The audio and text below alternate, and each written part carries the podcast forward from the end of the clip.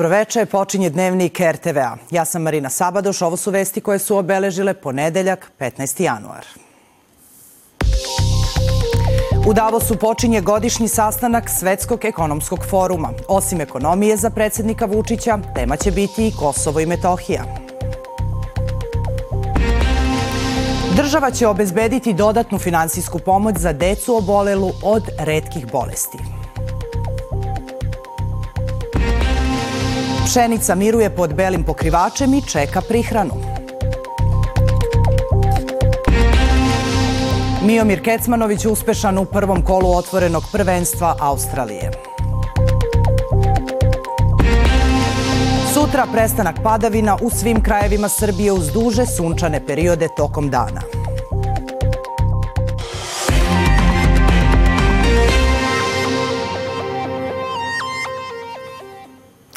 Godišnji sastanak Svetskog ekonomskog foruma u Davosu počinje danas i trajaće do 19. januara. Na njemu će učestvovati više od 100 predstavnika država, sve glavne međunarodne organizacije, hiljadu partnera foruma, kao i lideri civilnog društva, stručnjaci, predstavnici mladih, preduzetnici. Učestvuje i predsednik Srbije Aleksandar Vučić. Obnova poverenja, slogan je ovogodišnjeg najvećeg svetskog ekonomskog foruma, a ključne teme biće postizanje bezbednosti i saradnje u podeljenom svetu, kreiranje privrednog rasta i stvaranje radnih mesta za novu epohu, veštačka inteligencija kao pokretačka privredna i društvena snaga, kao i dugoročna strategija za klimu, prirodu i energiju. Uoči zvaničnog početka Svetskog ekonomskog foruma, Grupa za borbu protiv siromaštva Oxfam objavila je izveštaj koji ukazuje na poražavajući trend. Naime, zajedničko bogatstvo pet najbogatijih ljudi na svetu, Ilona Maska, Bernarda Arnoa, Jeffa Bezosa, Larija Ellisona i Vorena Buffetta od 2020. je udvostručeno, dok je 5 milijardi ljudi na drugoj strani tasa siromašnije nego pre tri godine. Rekao bih da je to poražavajući. Govori nam da ulazimo u deceniju podele. 5 milijardera je udvostručilo svoje bogatstvo, a 5 milijardi ljudi postali su siromašniji. Oxfam procenjuje da ćemo za 10 godina imati trilionera, ali će nam sa druge strane trebati više od 200 godina da iskorenimo siromaštvo. Na skupu će između ostalih učestvovati premijeri Kine, Belgije, Španije, Holandije i Grčke, potom američki diplomate, predsjednici Francuske i Argentine, generalni sekretari NATO-a i Ujedinjenih nacija, a stigao je i predsjednik Ukrajine Učestvovaće i predsednik Srbije Aleksandar Vučić, pošto je svrstan među 30 vodećih svetskih političara koji će biti u Davosu. Osim ekonomije, za predsednika Vučića tema će biti i Kosovo i Metohija, jer će se na marginama skupa sastati sa specijalnim izaslanikom Evropske unije za dijalog Miroslavom Lajčakom. Sa predsednicom Evropske komisije Ursulom von der Leyen razgovaraće u četvrtak. Ministar spoljnih poslova Španije, Jose Manuel Alvarez, ponovio je da prihvatanje pasoša takozvanog Kosova ne znači priznanje. Španija ne može da se pretvara da takozvano Kosovo ne postoji, ali to ne znači da priznaje njegov suverenitet, kaže Alvarez. Španija je jedna od pet zemalja Evropske unije koja ne priznaje Kosovo, ali priznaje njegova putna dokumenta. A na Kosovu i Metohiji boravi poslanica Evropske unije izvestilac za takozvano Kosovo Viola von Kramon. Ona je nakon nekoliko dana posete primetila da Srbi na Kosovu trpe stalni pritisak, a naglasila je i da Priština ima obavezu formiranja zajednice srpskih opština. Poslanica Evropske unije i stalni izvestilac za Kosovo Viola von Kramon pozvala je Prištinu da počne da primenjuje isti pristup prema svim građanima na Kosovu i Metohiji. Kako je istakla, nakon razgovora sa Srbima u Gračanici, saznala je za stalni pritisak optužbama za navodne ratne zločine koje su počinili tokom 1999. godine. Dragiša Milenković je u zatvoru, priveden je bez dokaza i samo na osnovu izjave jednog svedoka. Mislim da to nije u skladu sa zakonom i zato sam i pomenula ovaj slučaj. Kritično je to što 25 godina nakon sukoba taj čovek koji je sve vreme živeo na Kosovu bude sada zatvoren. On je u pritvoru i to mi ne liči na vladavinu prava. Govoreći o formiranju zajednice srpskih opština, napomenula je da je Priština u obavezi da formira tu zajednicu koja je dogovorena dokumentom potpisanim pre gotovo 11 godina. To nije nešto od juče, to je iz 2013. godine, od pre 11 godina. Kosovo bi trebalo da izađe sa predlogom, o tome se razgovaralo tokom proteklih godina i meseci. Istakla je da postoji napredak u dijalogu Beograda i Prištine, a o tome svedoči i volja obeju strana da se sastanu narednih dana sa specijalnim predstavnikom Evropske unije Miroslavom Lajčakom. Pokrajinska izborna komisija objavila je konačne rezultate izbora za poslanike u Skupštini Vojvodine. Apsolutnu većinu ima lista Aleksandar Vučić Vojvodina ne sme da stane, odnosno 66 od 120 poslaničkih mandata. Koalicija Srbija protiv nasilja osvojila je 30, a Savez Vojvođanskih Mađara 9 mandata. Socijalistička partija Srbije osvojila je 7 mandata, kao i koalicija NADA. Jedan mandat osvojila je Ruska stranka. Ostale stranke i koalicije koje su učestvovali učestvovale na pokrajinskim izborima nisu prešle cenzus.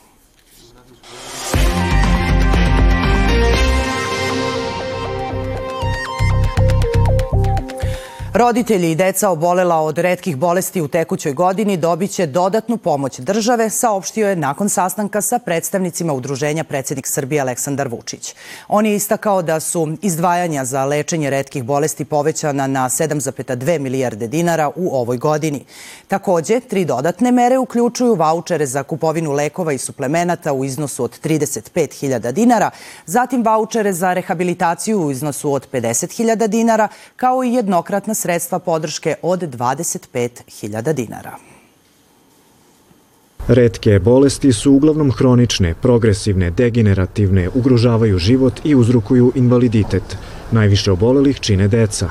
Roditelji okupljeni u udruženja teškoće dele kao zajedničke, a potrebe za podrškom su im slične i svakodnevne medicinska sestra, znači u patronaži, kod najteže obolelih slučajeva kao što je moja čerka, za neku ispomoć u kući i negu te dece ili pacijenata. E, druga stavka je e, medicinski potrošni materijal. Ovde smo danas videli da postoji e, jedna velika, ogromna volja države na čelu sa predsednikom Aleksandrom Vučićem da nam pomogne. Probleme koje su iznali predstavnici oko 20 udruženja saslušao je predsednik Republike, a sastanku su prisustvovali resorni ministri i Tamara Vučić.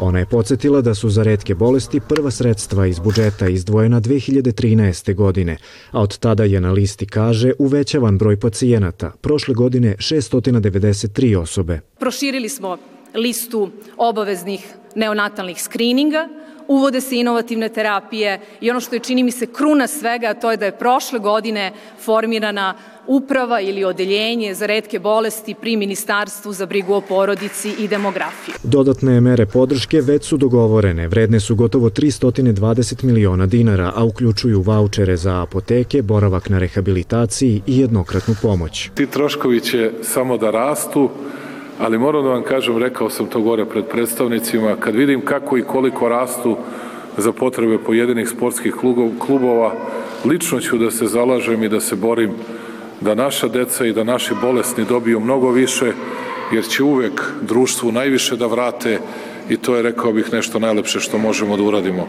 U narednom periodu predsednik najavljuje razmatranje mogućnosti za još širi obuhvat pomoći, a redke bolesti poručuje biće posebno obuhvaćene i programom Srbija 2027.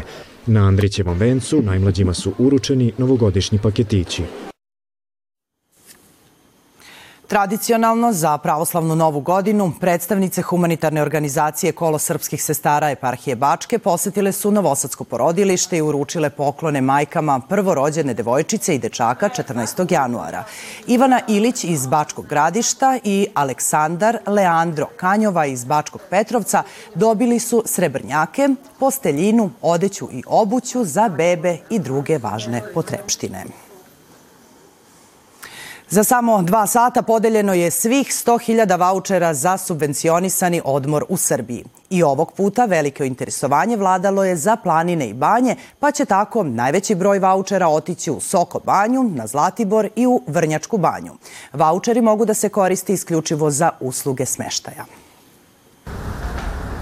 Sudeći po redovima u kojima se čekala prijava za turističke vaučere ispred pošta u Novom Sadu, ali i u ostalim gradovima, može se zaključiti da će brojni građani zimski odmor provesti u turističkim centrima Srbije. Korišćenje vaučera smanjit će im troškove smeštaja za 10.000 dinara. Jel prvi put koristite vaučer za putovanje? Drugi put. A gde ste bili do sada? U Vrnjačkoj banji sam bila, a sada idem za Perućac. Gde ste putovali koristeći vaučer? U Vrujice. Gde biste sada voleli da otputujete? Idem u Junaković. Prijavljivanje je počelo u ponoć na šalterima četiri ekspoziture Pošte Srbije koje rade 24 sata, a nastavljeno je po otvaranju u više od 1500 ekspozitura širom zemlje. Svi vaučeri su podeljeni za nešto manje od dva sata. Jutro sam dobio slike sa lica mesta ispred pošta gde su bili enormno veliki redovi. Znači ljudi su i tekako zainteresovani bili za te vouchere i mislim da je vlada Republike Srbije svojom odlukom da pogodila i vreme i iznos i mislim da će to biti dobro i za naš turizam. U redovima su uprednjačili penzioneri, ali je zbog odlaganja početka akcije u odnosu na isti period prošle godine bilo više zaposlenih građana, jer su imali dovoljno vremena da prikupe potrebnu dokumentaciju. Mnogima je čekanje teško palo. Je li teško čekati u redu? Smrzle se noge. Gde biste putovali? Na Zlatar. Pa treba da stojim dva sata tu sramota. A kažete mi, je li prvi put uzimate voucher? Uzimam prvi put, uzimam više puta, ali sad je ovo baš... Gde ste sve putovali? Pa samo u ovaj, banje. Inače, Udruženje Moja Srbija uputilo je poziv vladi Srbije da u narednim danima pusti u optica i dodatnih 150.000 vaučera, čime bi se, kako je saopšteno, u značajnoj meri zadovoljile potrebe zainteresovanih kako građana, tako i ugostitelja. Pošte Srbije vaučere će dostaviti na adresu kao vrednostno pismo. Nedelja besa, kako u Nemačkoj zovu prethodnih sedam dana, krunisana je danas velikim protestom u Berlinu. Centar grada bio je potpuno paralisan, ali čini se da to neće biti poslednji put, jer na poruku ministra da vlada nema novca za subvencije, poljoprivrednici odgovaraju da ne odustaju od svojih zahteva. Na veliki protest u Berlinu uputilo se, kako neki procenjuju, oko 5000 traktora, 2000 kamiona i desetak hiljada farmera. Svi sa jasnim zahtevima prema vladi da odustane od plana da im se ukinu poreske olakšice. Rođen sam 1966. Moj sin 2003. i trenutno se obrazuje u poljoprivredi. Ovde sam zbog njega i njegovih prijatelja da bi i u budućnosti imali nemačku poljoprivredu i da ne bismo morali da uvozimo sve. Poljoprivrednici ne žele subvencije. To su u nekom trenutku uveli Brisel, Berlin ili Hanover. Mi želimo fair cene jer subvencije uvek imaju loš ukus. Ono što je do sada Berlin suočen s jedne strane sa odlukom suda koja je ograničila budžet, a s druge blokiranim ulicama ponudio za farmere nije dovoljno. Nisu zadovoljni ni time što će se subvencije za dizel postepeno smanjivati u naredne tri godine, ni što je od uvođenja poreza na motorna vozila za poljoprivredu vlada potpuno odustala, pa je ministar financija na bini u Berlinu ispraćen zvižducima. Ne sme biti onih koji pate više od drugih i tu se slažemo, ali svako mora dati svoj doprinos jer subvencije i umanjenje poreza koji su uvedeni tokom krize zbog koronavirusa ističu. Poziv poljoprivrednicima na razgovoru uputili su i lideri partija vladajuće koalicije, no čini se da će i oni natrčati na tvrdorah, jer je sa istog mesta s kojeg se okupljenima obratio ministar predsednik Unije poljoprivrednika poručio da oni neće odustati. To je u rukama vlade, jer što je mnogo, mnogo je. Ako vlada povuče plan za povećanje poreza i mi ćemo traktore ukloniti sa ulica.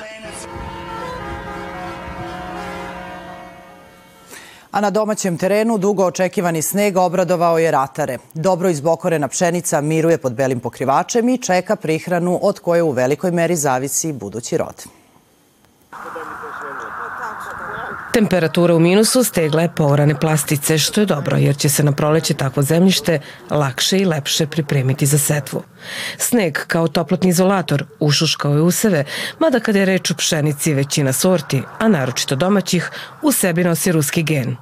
Te biljke mogu da izdrže i daleko nižu temperaturu, čak i bez snega. Može doći eventualno do oštećenja nadzemne liste mase, ali s obzirom da biljke posjeduje čvor bokorinja koji je životni centar biljke, tako da biljka sama biljke neće e, izbrnuti. Imali smo pre par godina sličnu situaciju, tako da nije došlo do, iako je došlo do oštećenja nadzemne biomase, ovaj, biljke nisu propale. Beli pokrivač nadomestit će vlagu, a koliko će smanjiti infektivni potencijal biljne bolesti, ostaje da se vidi. Ono što uskoro sledi je prva agrotehnička mera u ovoj godini, prihrana useva. Nešto ureje već imam kupljeno, nešto ću kupiti, ali prvo ću da napravim jednu metodu pa da vidim koliko preporučuju, pa tako da, pošto je đubrivo skupo i dalje još, da se ne baca ako ne treba.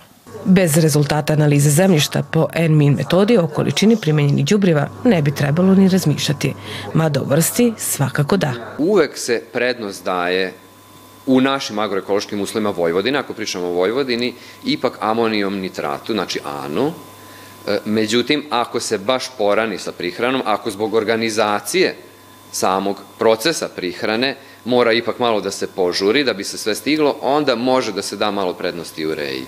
Jer ureji ipak treba više vremena da iz tog amidnog oblika dođe u pristupačni amonični i nitratni oblik krajnji. Gde su zemljišta kisele reakcije, kao što je to Mačva i centralna Srbija, tu se uvek preporučuje kan, odnosno krečni amonijum nitrat.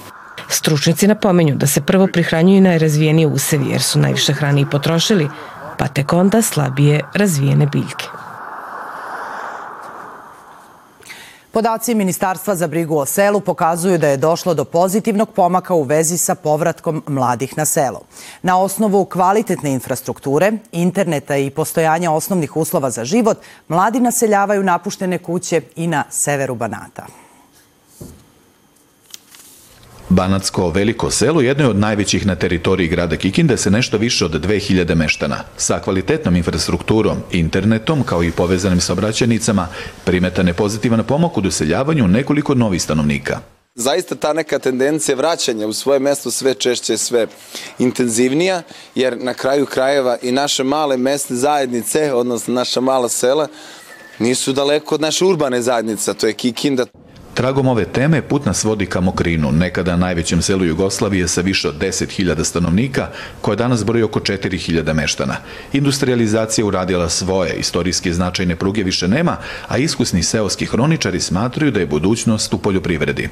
To je jedno veliko bogatstvo koje nažalost propada. Mi uvozimo hranu, uvozimo sve i svašta, a ne dozvoljavamo da se ljudi do te mere stabilizuju i da tu zemlju obrade. Konkurs kupovine kuće u ruralnim područjima Ministarstva za brigu o selu počeo na Vidovdan 2021. godine i do sada je useljeno 2650 kuća sa 10.000 ljudi, od kojih su preko 3000 deca. Jedna trećina je otišla iz mladih ljudi iz grada u selo, prosečna starost je 29,8 godina, znači ispod 30 godina i to nismo očekivali, dakle program je zasio u punom sjaju. Sa ovom jednom trećinom mladih ljudi koji iz grada odlasu u selo, zapravo potvrđuje se da radimo dobre, dobre stvari. Kako bi se povrtak ruralnim područjima nastavio i u narednom periodu, Resorno ministarstvo nastavilo je sprovođenje programa kupovine seoskih kuća s okućnicom, rešavanje pitanja prevoza u ruralnim sredinama, kao i realizaciju manifestacije Miholjski susreti sela. U planu su i dodatne uredbe poput pokretanja privrednih aktivnosti, a sve u cilju da sela ponovo žive.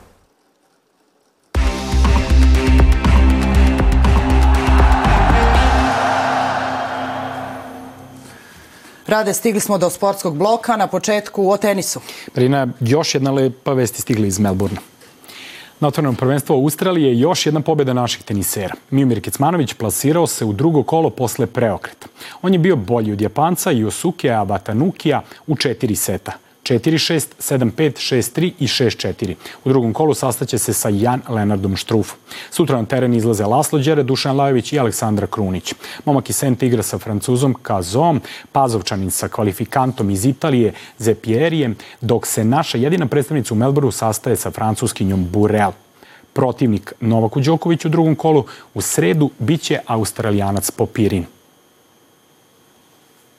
U košarkaškoj ABA ligi večeras se završava 16. kolo utakmicom Cibenom Partizan od 18 časova. Crnobeli duel u Zagrebu dočekuju sa učinkom od 11 pobjede i 4 poraza, pet više od hrvatskog tima. Ovog vikenda naši predstavnici u regionalnom takmičenju sastali su se u međusobnim susretima. Lider na tabeli, Crvena zvezda, pobedila je Čačanski borac 90-74, dok je Mega bila bolja od FNP-a 86-72. Večite rivale ove nedelje očekuju mečevi Euroligi. Zvezda dočekuje Baskoni u četvrtak, dok dan kasnije Partizan gostuje kod Panatenikosa.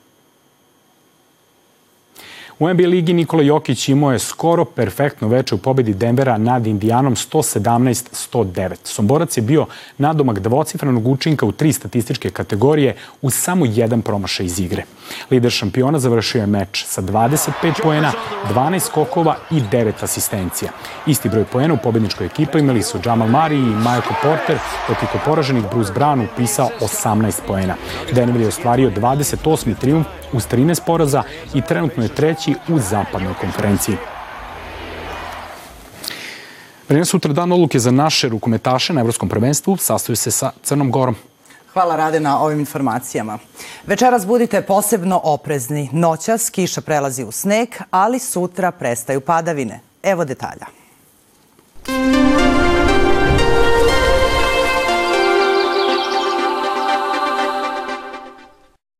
Nastavlja se toplije vreme u našoj zemlji za drugu dekadu januara. Nakon kišne noći, sutra ujutru na severu razvedravanje, a na jugu susnežica, dok će od sredine dana biti suvo uz više sunčanih sati.